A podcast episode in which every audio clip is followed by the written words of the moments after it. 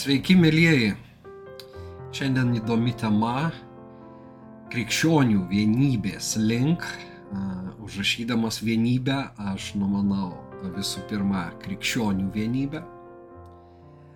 Ir pasirinkau šią temą, aišku, todėl, kad prasideda ateinantį trečiadienį maldos už krikščionių vienybę savaitę. Ir mūsų laukia iš tiesų tokia įdomi kelionė per bažnyčios istoriją, be abejo labai stambiais štrichais, būtent šituo aspektu, bažnyčios vienybės aspektu. Ir pasitelksiu tikrai įdomių tekstų, taip kad sužinosite vėlgi, tikriausiai tai, ko nesate girdėję, o jeigu ir girdėję, tai netokiu rakursu, būtent netokiu kampu. Todėl kviečiu pasilikti iki galo, keliauti drauge, tuos, kurie dar nesate mano kanalo užsiprenumeravę, padarykit tai, užsiprenumeruokit. Na ir esu dėkingas tiems, kurie palaikote mane iš savo lėšų, galbūt ir jūs Dievas paragins tai padaryti, mielai priimsiu jūsų palaikymą. Bet pradėti norėčiau iš tiesų nuo skelbimo. Ateinantį savaitę bus labai karšta man, iš tiesų prasideda naujos knygos Evangelija pagal Matą, Evangeliją pagal Morku, su išsameis šventojo rašto komentarais, pristatymai skirtingose miestuose. Ir štai jau sausio 18 dieną, iš tiesų trečiadienį, nacionalinėje Martino Mažvido bibliotekoje, trečiame aukšte, renginių erdvėje vyks na, šios knygos, prie kurios man nemažai teko padirbėti, taip pat pristatymas, dalyvaus vertėjai, vertėjų kolegija, taip kad Vilniečius labai kviečiu nepraleisti šio renginio. Na, o palangiškius po dviejų dienų, sausio 20 dieną, vėlgi 17 val. kaip ir Mažvido bibliotekoje, kviečiu į palangos viešąją biblioteką kur a, vyks šios knygos pristatymas. A, mes drauge su a, kunigu Laimonu Nedvecku pasidalinsime savo a, triūso įspūdžiais, atsakysime mielai klausimus, pabendrausime su jumis, taigi kviečiu, ateikite, dalyvaukite. Na, o tauragiškiai šią galimybę turės jau sekmadienį ateinantį, sausio 22 dieną po mišių švenčiausios trybės bažnyčioje 11 val. Taip kad jei esate iš taurogės, paskleiskite šitą žinią, ateikite, bus miela su jumis susitikti. Na, o tie, kurie negalite nei viename iš šitų renginių sudalyvauti, yra galimybė uh, paklausyti knygos pristatymą per internetą nuotoliniu būdu. Silovada Vokietijoje daro būtent na, nuotolinį pristatymą, pokalbį ir jūs turėsite galimybę. Pasijungimo nuorodas aš įdėsiu apačioje po šito įrašu, na, paraštėse YouTube kanalo, nepraleiskite, pasižiūrėkite, tai skirta visų pirma gyvenantiems užsienyje lietuviams, bet esate visi kviečiami, kurie negalite sudalyvauti gyvai, prisijungti ir uh, dalyvauti. Na, o dabar jau laikas mums perskaityti pirmą tekstą, kuris ir paaiškins, uh, kodėl aš pasirinkau Breigelio vyresniojo paveikslą šios temos iliustracijai. Beje, jis man labai patinka, yra keletą jo variantų, trys, na, Babelis bokšto piešiniai ir vėlgi meno istorikai ten atranda begalės įdomiausių detalių. Na, bet mums tegul pats vaizdas Babelės bokšto primena šitą istoriją ir aš ją noriu perskaityti iš pradžios knygos 11 skyriaus. Visi žemės gyventojai kalbėjo viena kalba.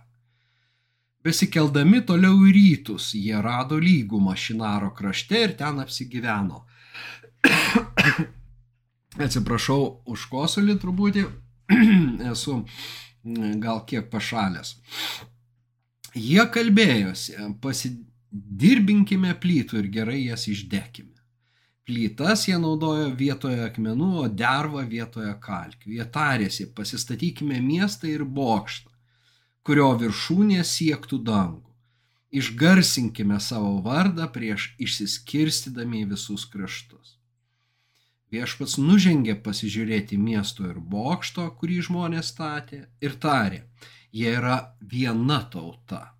Ir visi kalba viena kalba. Jie pradėjo tai daryti ir nie, nėra nieko, ko jie negalėtų pasiekti, jeigu nusprendžia. Nusileiskime ir sumaišykime jų kalbą, kad jie nebesuprastų vienas kito. Viešpats juos išsklaidė po visą žemės paviršių ir jie nustojo statę miestą. Todėl tą miestą praminė Babelę, nes ten viešpats sumaišė jų kalbą ir iš ten viešpats išsklaidė juos į visus žemės kraštus. Galbūt nežinojote, kad labai, na, artimą istoriją pasakoja vienas senovinis šumerų mitas. Jame sakoma, kad na, kai ateis auksinis amžius, iš tiesų, kai žemėje, aš padariau klaidą, ne kai ateis, O kai Žemėje buvo auksinis amžius, kai dar nebuvo gyvatės, nebuvo skorpiono, nei bijančio, na, šitų grėsmių, nei bauginančio, žmonės kalbėjo viena kalba. Ir, na, jie garbino aukščiausią tarp dievų Enlilį vienas iš šumerų dievybių. Tačiau jo varžovas šito aukščiausiojo dievo, Enkis, įnešė sumaištį. Ir kaip tai padarė, sumaišydamas žmonių kalbą į skirtingas kalbas. Taigi tyrėjai, literatūros tyrėjai ir, na, biblistai mato sąsają tarp šumerų mito ir pradžios knygos pasakojimo ir todėl yra pradėta jau kuris laikas vadinti, na, tokias ištraukas, šitos naratyvus kaip mit, mitus, pavyzdžiui, Babelės mitas. Ir tą, tą savoką vartoja uh, ne tik ateistai, bet ir na, Biblijos tyrėjai.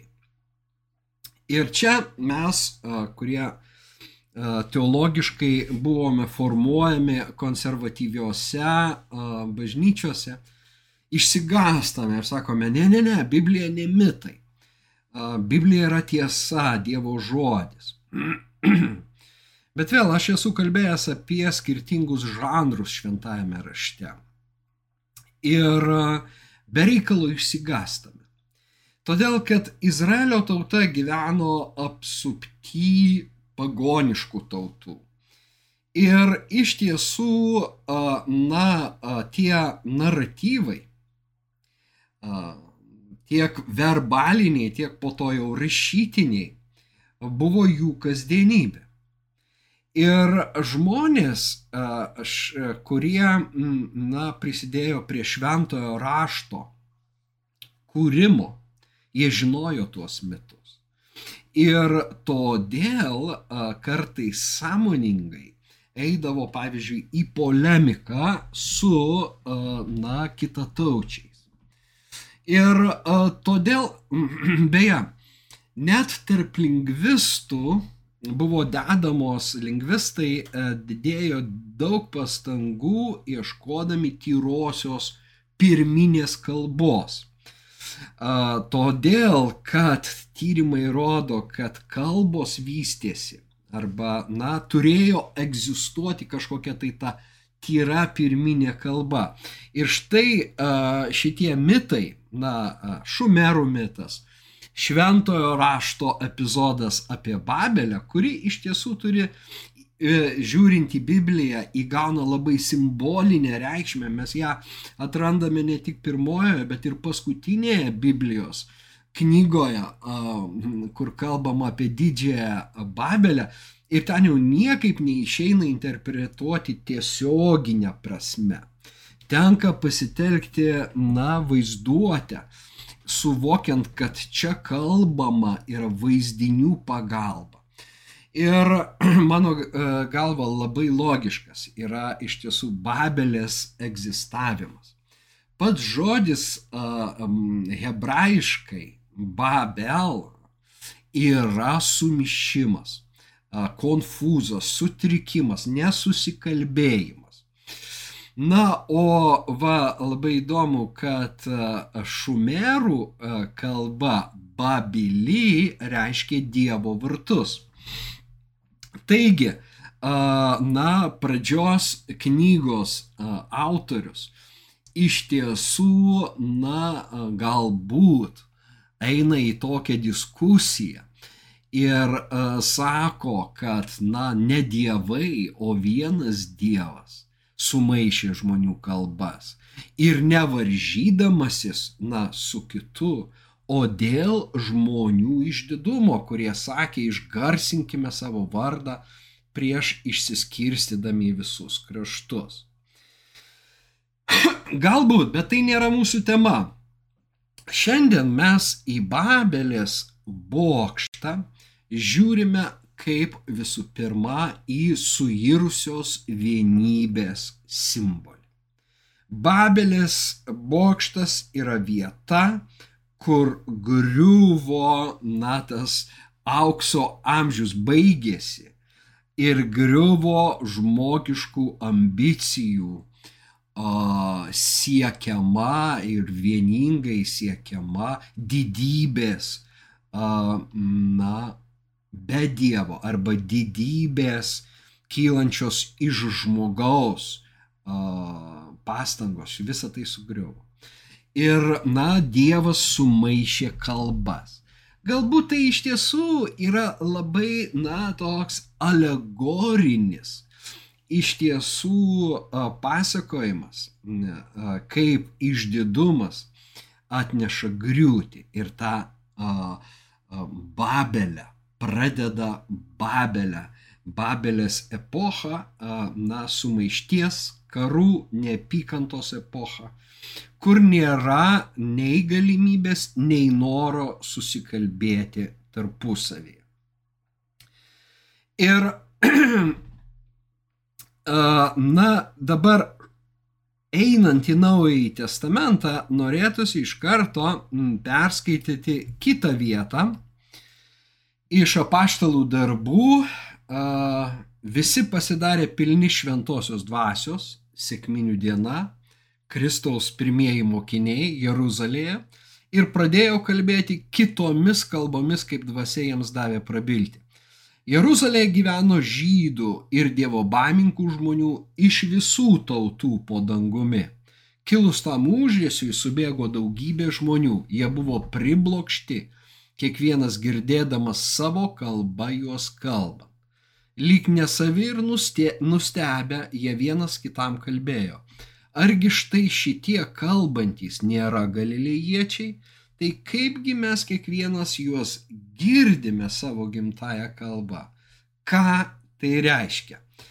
Na va, iš tiesų, ką reiškia sėkminių stebuklas? Na, jeigu mes žiūrime būtent simboliškai, na, ne vien sakykime, na, pneumatologiniu pjūviu, ne vien, kad šventosios dvasios ateimo, bažnyčios gimimo diena, bet iš tiesų naujos žmonijos pradžia arba sugrįžimo į aukso amžių mm, pradžia, ženklinanti būtent senosios epochos, Babelės epochos baigti ir, na, naujos epochos, Dievo karalystės epochos pradžią. Todėl mano galva neatsitiktinai iš tiesų yra vėlgi minimi žmonės iš visų tautų po dangumi ir jie visi supranta žinę.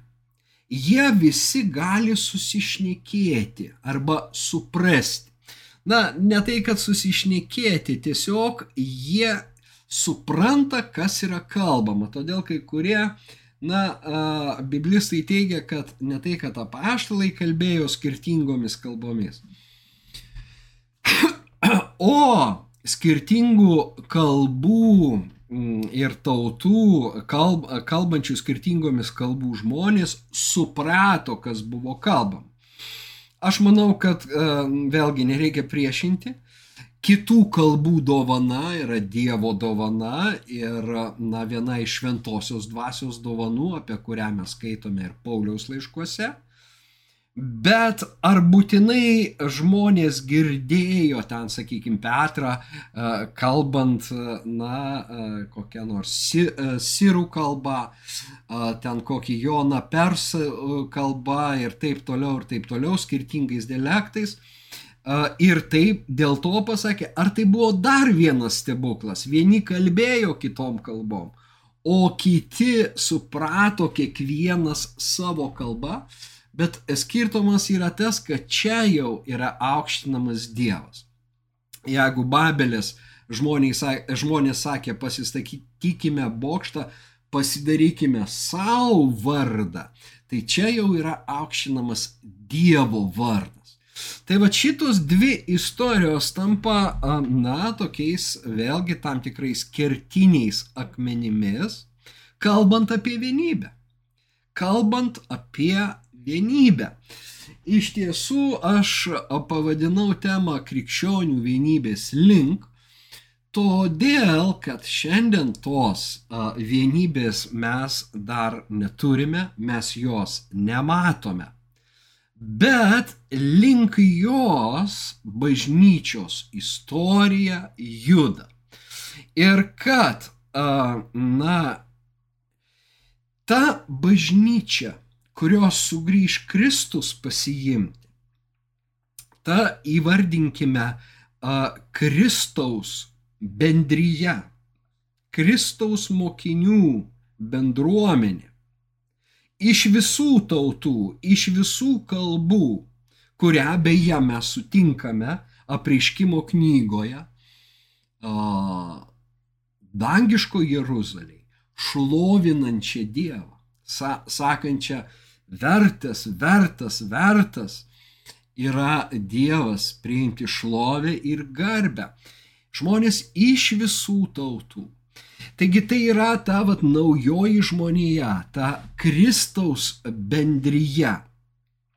Ir, na, kad prieš jai susitinkant su savo viešpačiu ir gelbėtoju, ji jau bus kitokia negu pačioj pradžioj, negu per visą bažnyčios istoriją iki mūsų dienų. Ir tas kitoniškumas arba tas a, bruožas, kuris iš turi išryškėti, bus ne kas kita, o mokinių vienybė. Paskaitykime dabar, a, kodėl aš taip galiu teikti. Laiške feziečiams apaštalas Paulius aptarė skirtingas dovanas, kurias Dievas dalyja a, Kristaus bendryjei, atskiriems žmonėms, rašo, Dievas davė vieniems būti apaštalais, kitiems pranašais, evangelistais, ganytojais ir mokytojais, kad parengtų šventuosius tarnystės darbui, Kristaus kūnui ugdyti.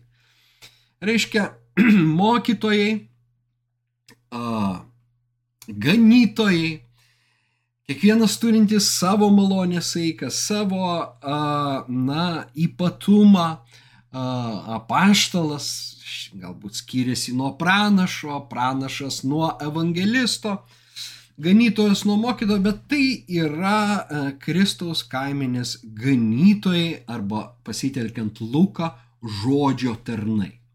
Ir laiškas hebrajams taip pat - žodžio tarnai. Ir jie ugdo bažnyčią iki kada? Iki kokia, koks yra kulminacinis taškas, kol mes visi pasieksime tikėjimo vienybę ir Dievo sūnaus pažinimą, kol suauksime į Kristaus pilnatvės brandos amžių. Įdant nebebūtume mažamečiai sibuojamais tarsi bangų ir blaškomais visokių mokymų vėjo, žmonių klastos, suktumo, apgaunančio ir paklaidinančio, bet laikydamiesi tiesos, meilę auktume panašėdami visais atžvilgiais į tą, kuris yra galva, Kristus. Iš jo visas kūnas darniai sudėtas ir susietas, visais pagalbiniais sanariais, kiekvienai daliai veikiant kaip skirta, augina ir ugdo save meilė. Taigi, mano samprotavimas remiasi šitą Pauliaus tezę, kad bus tas laikas, na, istorijoje, bažnyčios istorijoje, kai visi pasieks tikėjimo vienybę. Tikėjimo vienybę. Bet tą vienybę jisai susiję su pažinimu ir Kristaus pilnatvės brandos amžių. Kai bažnyčia subres, ji bus vieninga. Kodėl šiandien bažnyčia nėra vieninga? Kodėl skirtingos konfesijos nesutarė tarpusavyje, na, krikščioniškos konfesijos? Todėl, kad jas ganantys ganytojai dar neišūkdė arba patys a, nėra subrendę arba nesugeba perteikti būtent tai, kad Kristaus kūnas turi ugdyti save meiliai. Kad svarbus kiekvienas sanarys, kiekviena dalis, kad svarbu, na, matyti tuos ryšius, tas jungtis, ir ieškoti ne savo Kristaus. Kaip ten bebūtų, bažnyčia šiandien dar nepasirengusi sutikti savo gelbėtoje Kristų. Mes dar nepasiekėme tikėjimo vienybės, mes dar nesuaugome ir nesubrendome. Dabar kartais galvojama ir aš pats taip, na, ilgą laiką galvojau, kad pirmoji apaštališka bažnyčia buvo brandi. Tačiau akivaizdu, kad tai netiesa. Skaitydami Naująjį Testamentą mes galim susidurti su pačių apaštalų, na, brendimu. Bet matome, kad netgi, na, tose epizoduose, kur paminimi, na, sakykime, Petras, laiške Galatams, jis dar nebrandus. Nors būdamas ganytojas, jis nėra brandus. Ir ta vat pirmoji apaštališkai bažnyčia džiaugiasi Dievo dvasios išliejimu ir na, apšė malonę. Jis toli gražu na, nėra brandžios bažnyčios paveikslas kaip atrodys ta brandi bažnyčia išlieka paslaptis. Tai yra vienas didžiausių slėpinių ir štai kodėl intriga nesibaigia. Bažnyčios istorija tęsiasi. Bet kad iš tiesų taip yra, ką aš dabar sakau, paskaitykime dar keletą vietų. Ir, na, kas nors paprieštaraus, sakys, ne, paštalų darbuose net kelis kartus paminėta štai kas, visa tikinčiųjų daugybė buvo vienos širdies ir vienos sielos. Ką turėjo ne vienas nevadino savo nusavybę, bet visa jiems buvo bendra. Na, kalbama apie Jeruzalės bendruomenę. Ir iš tiesų tai buvo didelis stebuklas, kad jie parduodavo savo nusavybę, neždavo į bažnyčią, buvo dalinama tai, ką visi sunešė ir niekas nestokoja. Tai istorijoje bažnyčios nepakartojamas fenomenas ir stebuklas. Tačiau jis gali mums sudaryti klaidingą paveikslą. Ir kad ne, nebuvo jau taip net Jeruzalės bendruomenė vieninga ir vientisa, te reikia, na, nu, perskaityti penktą skyrių ir ateiti iki šeštos skyriaus. Čia yra ketvirtos skyriaus galas. Žodžiu, porą skyrių vėliau mes jau skaitome Tomis dienomis mokinių skaičiui augant tarp graikiškai kalbančiųjų kilo nepasitenkinimas vietiniais žydais, nes kasdienėme aprūpinėme būdavo aplenkiamos jų našlės. Taigi liktai lėšų ir pakako, tačiau graikiškai kalbančios žydės našlės negaudavo to, ką gaudavo našlės kalbančios aramėjiškai. Vėlgi mes pradedam jausti, e, kad kalbos atneša nesantaiką. Skirtingos kalbos tampa net čia ir Jeruzalės bendruomenės, na, skilimų pradžia apaštalai sprendė tą klausimą. Taip gimsta diekonystė bažnyčioje ir išrenkami pirmieji septyni diakonai Jeruzalės bendruomenėje. Tačiau tai tiesiog iliustracija, kad ankstyvoji paštališka bažnyčia nėra vieninga. Na, o jau nekalbant uh, apie tai, kad, uh, na, kai pradedama skelbti Evangeliją ne žydams, ir apie tai mes skaitome toliau apaštalų darbuose, prasideda labai daug konfliktų ir teologinio pagrindo nebuvimas išriškėja. Nebeaišku dabar, su žydais tikinčiaisiais tarsi buvo viskas aišku. O štai su uh, kitataučiais, pagonimis, kurie priema Evangeliją ir grežiasi į Kristų, nebeaišku, reikia juos apipjaustyti ar nereikia. Galima su jais sėsti prie vieno stalo ar negalima.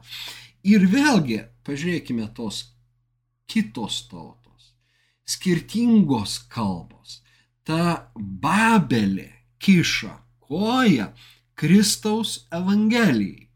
Ir, na, va čia va mes matome Babelės epochą ir tą Dievo karalystę, naujosios žmonijos epochą savo užuomasgose ir kaip jinai mėgina išstumti tą nesusikalbėjimą, sumišimą, konfūzą, babelę, išstumti ir kaip jai sunkiai sekasi.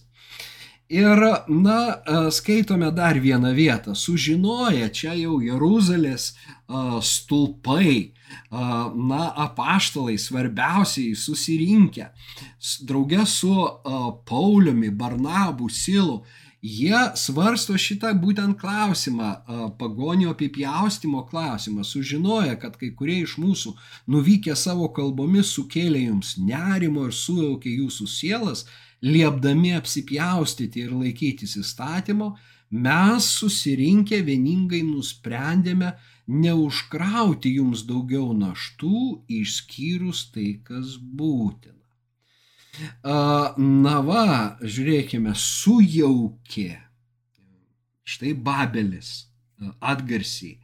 Sumišimas, sujaukimas, nerimas vietoj ramybės, vietoj taikos, vietoj malonės.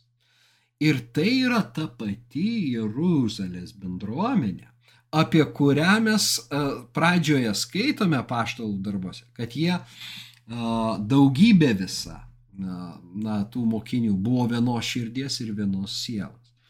Tai va todėl mums nereikia idealizuoti ankstyvosios bažnyčios dar daugiau. Aš sakyčiau, kad na, ankstyvoji apaštališka bažnyčia yra na, toj kūdikystės stadijoje jinai yra būtent kaip maži vaikai nešiojami skirtingų vėjų. Be abejo, Paulius, kiti apaštalai kovoja dvasios kalaviju, na, pasėmė tą a, tikėjimo skydą, kad, a, na, užgesintų tas ugningas babelės, iš babelės lekiančias strėlės. Bet jiems nepavyksta, vatkas, nes skaitant istoriją, mes matom, kad, na, jie, jie kovoja, bet, na, sakykime, skilimai, nesutarimai tik didėja. Ir visi žinome šitą vietą, na, Pauliaus va kovos dėl krikščionių vienybės Korinte. Mūsų viešpatės Jėzaus Kristaus vardu raginu jūs, broliai, kad visi sutartumėte, ir tarp jūsų nebūtų skilimų, bet kad jūsų jungtų ta pati mintis ir tas pats tikslas. Mat iš Chlojas patikėtinų sužinojau, kad tarp jūsų, mano broliai, esama vaidų. Kalbu apie tai, kad jūs kiekvienas sakote, aš esu Paulius, o aš Apolo, aš Kefa, o aš Kristus. Ar Kristus suskilo? Klausia apaštalas Ir atsakymas į tai yra taip. Kristus jau suskilo ankstyvoje bažnyčioje.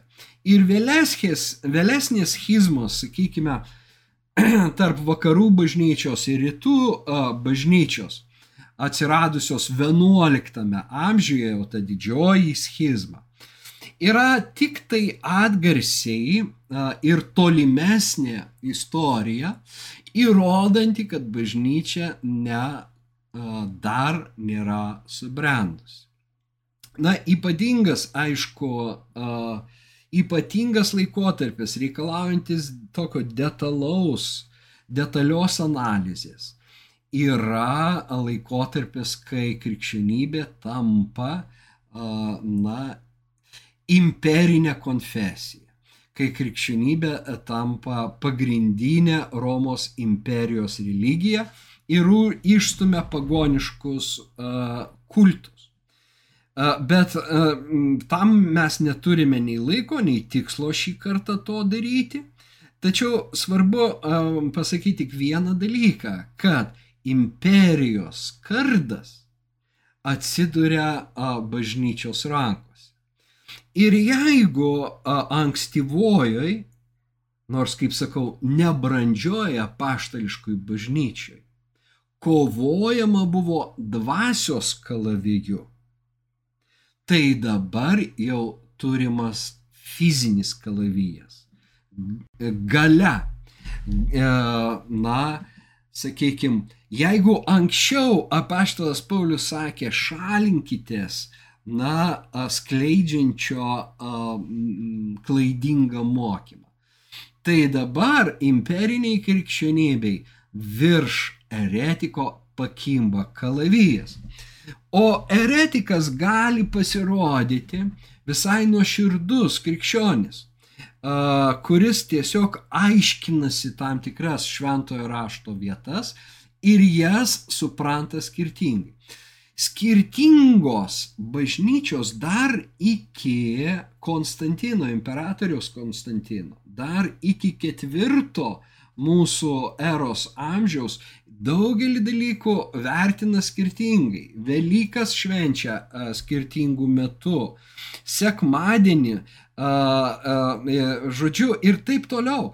Yra daug tų skirtingų požiūrių, ir ten jau vyksta polemika, bet aišku, imperatoriui dabar jau nu, tie skirtumai tampa politinė uh, grėsme, susiskaldimas negalimas.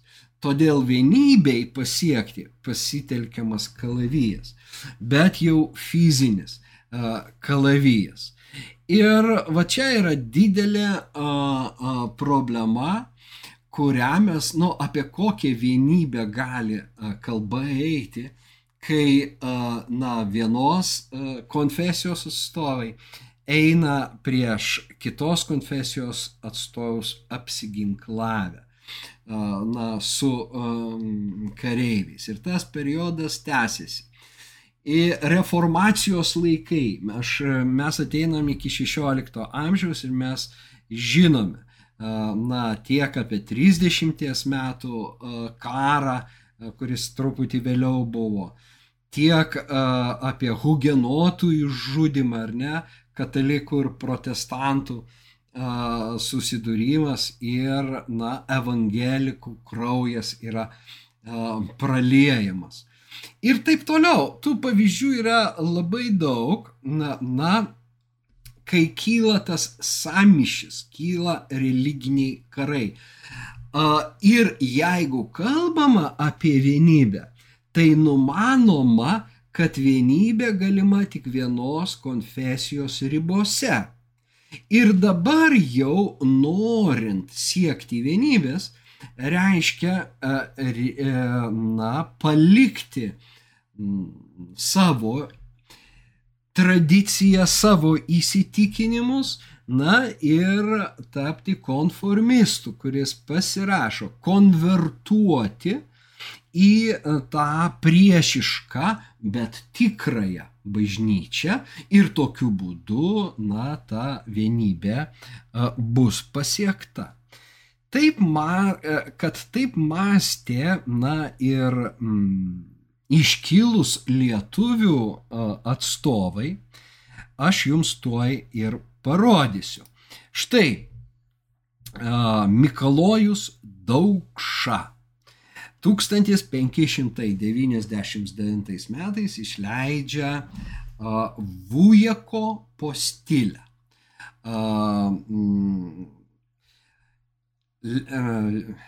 Vilniaus kolegijos rektorius Vujokas, rašęs Lenkų kalba, na, tampa daugšos susižavėjimo objektu, nors svarstoma, galbūt tiesiog ten vyskupas Gedraitis jam pavedė išversti tą postilę. Bet daugšos postilė, postila katolika iš tiesų, yra, na, vat, tipinis pavyzdys, kaip viduramžiais, kaip reformacijos ir kontrreformacijos metu buvo suvokiama vienybė. Bet kadangi daugša kalba apie kalbas ir mini ne ką kitą, o Babelės mitą, na, aš turiu jums šią vietą perskaityti. Ne žemės derlumu, ne drabužių skirtingumu, ne šalies gražumu, ne miestų ir pilių tvirtumu gyvoja tautos, bet daugiausia išlaikydamos ir vartodamos savo kalbą, kuri didina ir išlaiko bendrumą, santaiką ir brolišką meilę.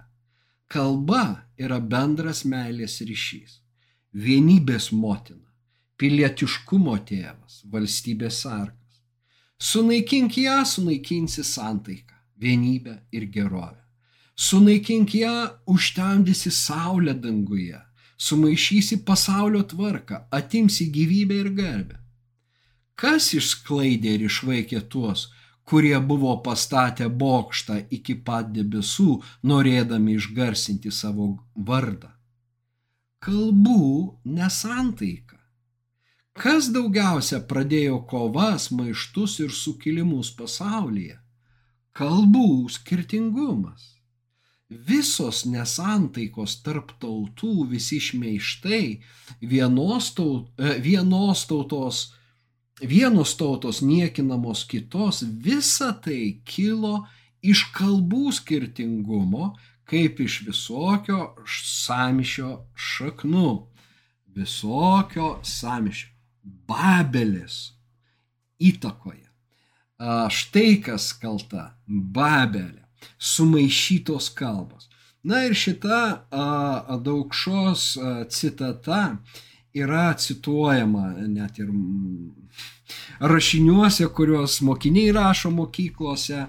Na, be abejo, lietuviams tai yra, na, lietuvių rašytinės kalbos katalizatorius šitą ištrauką, kuris skatino, na, vystyti savo kalbą, saugoti kalbą, puoselėti kalbą, na ir drau, drauge tautiškumą. Apie tai beje aš rašau straipsnėje tikėjimas ir tautiškumas, į kurį nuorodą irgi pateiksiu ir jūs galite pasiskaityti, todėl, kad tai, ką šiandien kalbu, aš esu ten gan giliai patyrinėjęs ir apmastęs, tik šiandien mes prieiname prie šito na, klausimo visai kitų pjūvių per krikščionių vienybę, ne tiek per tautos na, identitetą ir kaip jis koreliuoja ar na, koreliuoja su tautiškumu, ar jam prieštarauja, ar na, tautiškumas pasisavina tikėjimą, religiją ir taip toliau, tie klausimai yra svarstomi tame straipsnėje.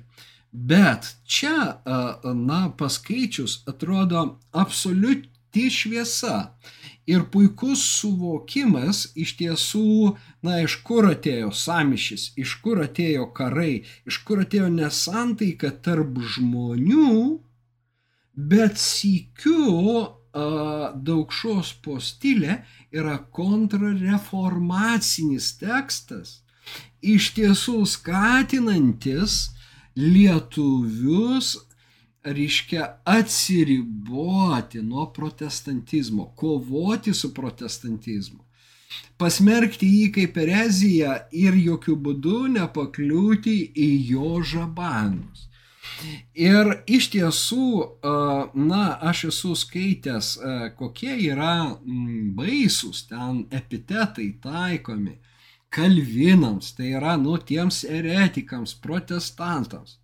Tas pats žmogus, kuris kalba apie na, meilę, apie meilės ryšius, apie vienybę, bendrystę ir na, suvokia, kad, kad nesusikalbėjimas yra visų blogybių motina iš tiesų, ne, dar yra negabus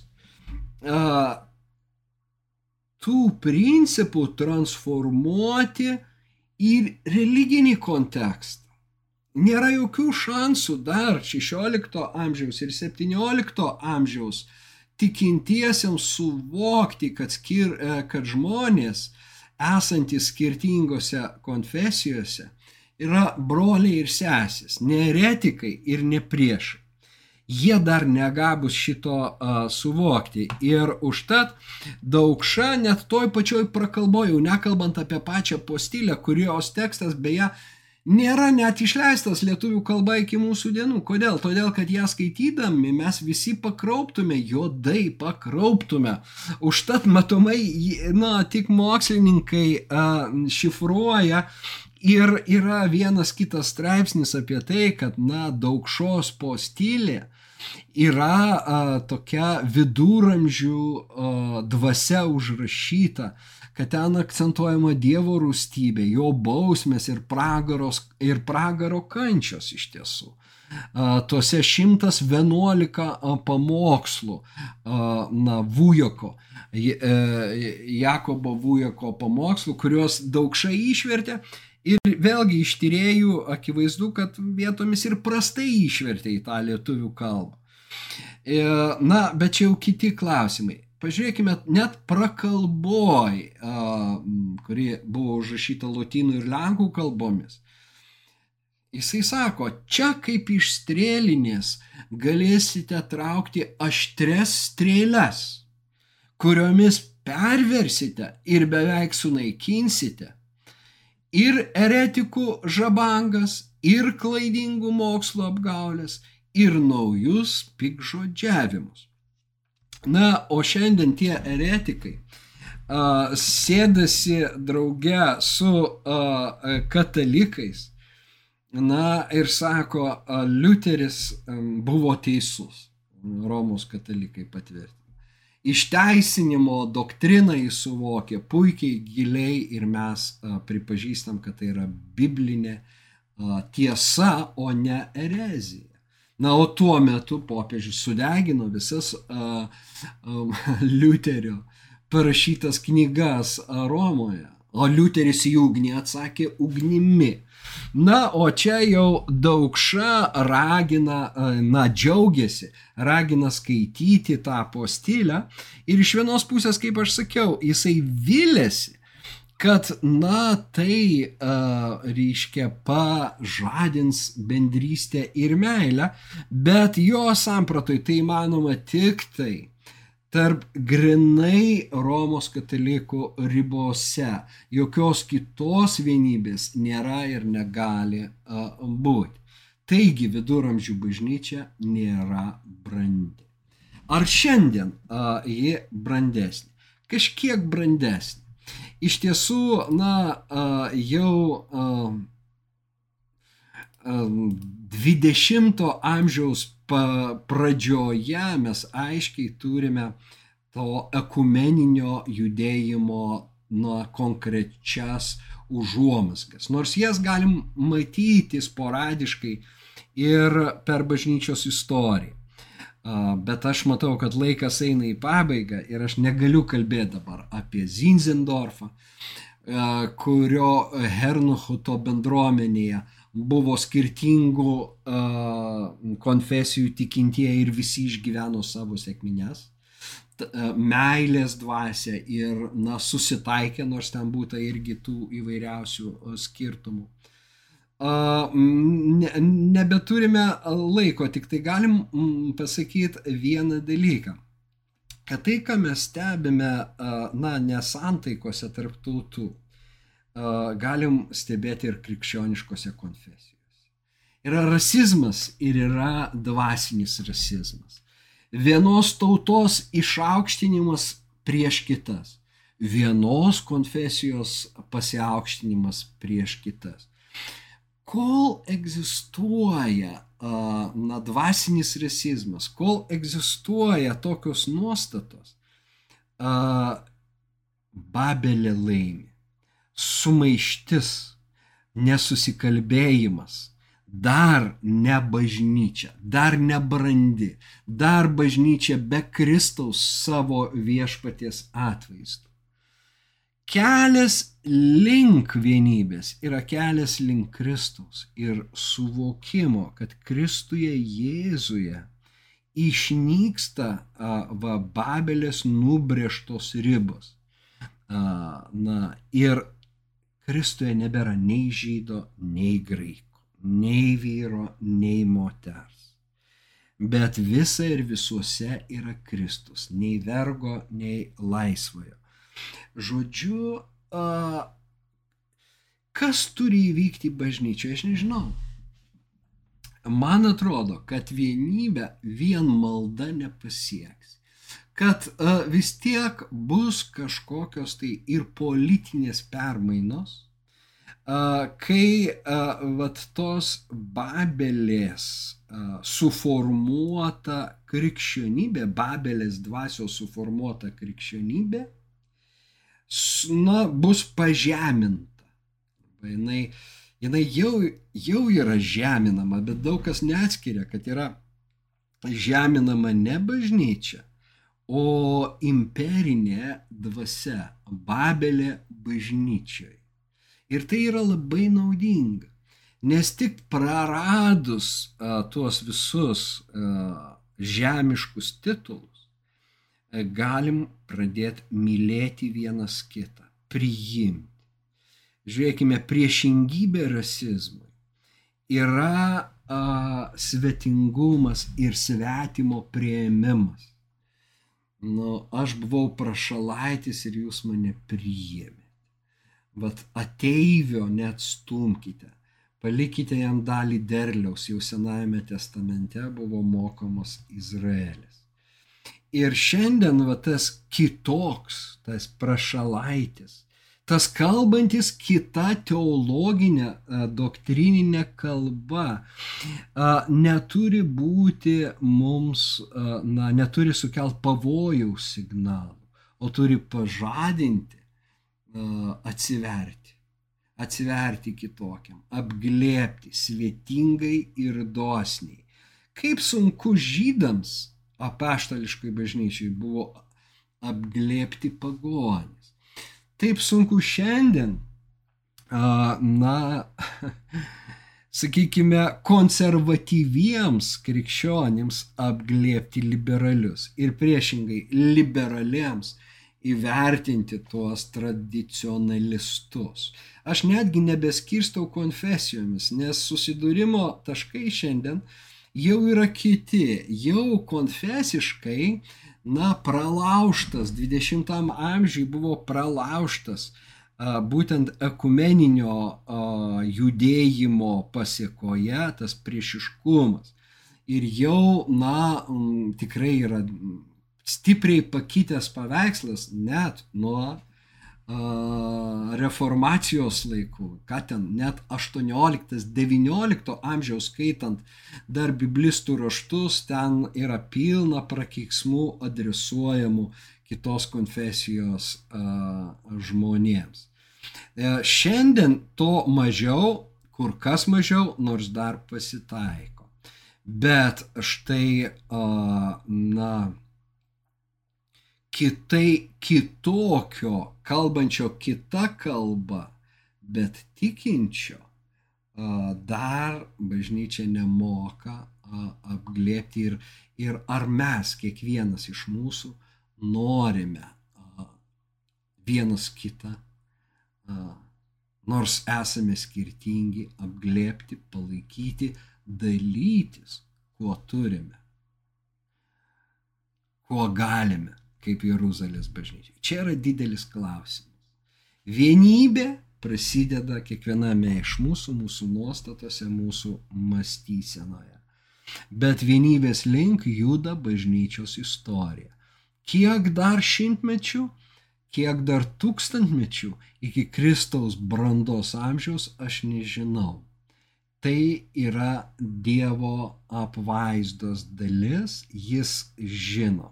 Bet jau šiandien kiekvienas galime dėti pastangas, kad ta vienybė, sikiu ir mūsų branda Kristuje ryškėtų. To mums visiems ir linkiu. Iki kitų kartų, mėlyjei. Čia gyvenimo pradžia, kai vėl klaupiuos prie tavo kojų, palikusi prekyb vietei aistras ir nerimą. Iš savo lūpų į mano širdį, iš savo lūpų į mano širdį, iš savo lūpų į mano širdį, iš savo lūpų į mano širdį kalbėk. Kalbėk. Iš savo lūpų į mano